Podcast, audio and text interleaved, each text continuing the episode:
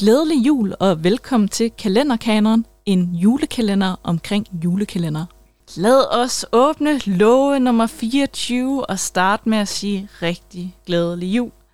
Vi skal i dag snakke om julekalenderen for sidste år, altså 2021, hvor vi på TV2 ser julekalenderen Kometernes Jul.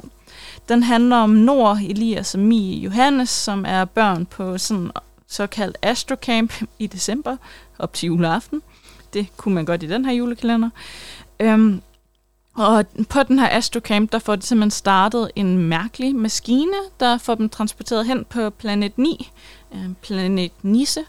Øh, og i den her proces, så er to af de her børn blevet syv år ældre, Øhm, og samtidig så skal de to andre børn hjemme på jorden ligesom få den, reddet deres venner tilbage, så det er en julekalender, der kommer til at handle omkring videnskab og nisser, eller som de hedder i den her julekalender, nisser.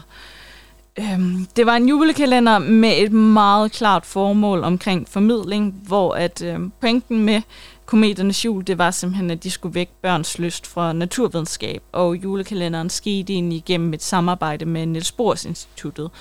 Og, men man må tage hatten for, at de prøvede ret meget nytænkning med den her julekalender. Udover det klassiske julekalenderformat på tv, som vi kender det, så fik de faktisk skabt en masse YouTube-videoer, som skulle skabe sådan en forbindelse mellem julekalenderen og rigtig forskning, hvor skuespillere eller forskellige forskere var inde og forklare yderligere om nogle af de koncepter, man kort ser i julekalenderen. Og så fik julekalenderen faktisk også deres, dens egen app, som børn kunne bruge derhjemme. Men på trods af den her nytænkning, så fik det altså bare en del kritik for ikke at være en god historie, at den her formidlingsdel kom til at fylde lidt for meget, i stedet for at det blev en flydende, underholdende fortælling omkring jul og den spænding, som vi også forventer for en julekalender. Og det er lidt synd, fordi vi har før set, at julekalenderet så godt kan balancere mellem at være rigtig god formidling og være rigtig god øh, underholdning, og vi har set det virke med litteratur og historie, men det faldt altså bare lidt øh, til jorden med den her videnskabelige julekalender, hvor at børn fik lov til at lære rigtig meget, hvilket også er vigtigt, men spørgsmålet er lidt, hvor meget julehumør man kom i bagefter, og hvor underholdt vi faktisk blev. Så er det også nu, hvor jeg skal sige rigtig glædelig jul, for det er vores sidste afsnit til den her julekalenderkanon.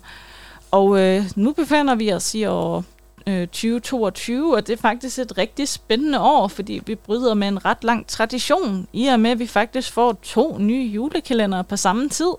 Det er sender Julehjertets Hemmelighed, og på TV2 så kører de stadigvæk med Tinka i form af Tinka og Sjælens Spejl.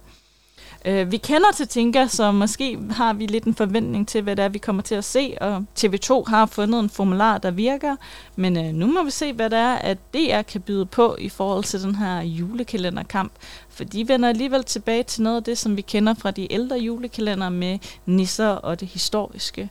Men øh, det kan være, at den her kamp mellem de to julekalender er noget, vi bliver nødt til at snakke mere om næste år. Indtil da, så vil jeg bare byde jer alle sammen en rigtig glædelig jul. Og tak fordi I lyttede med.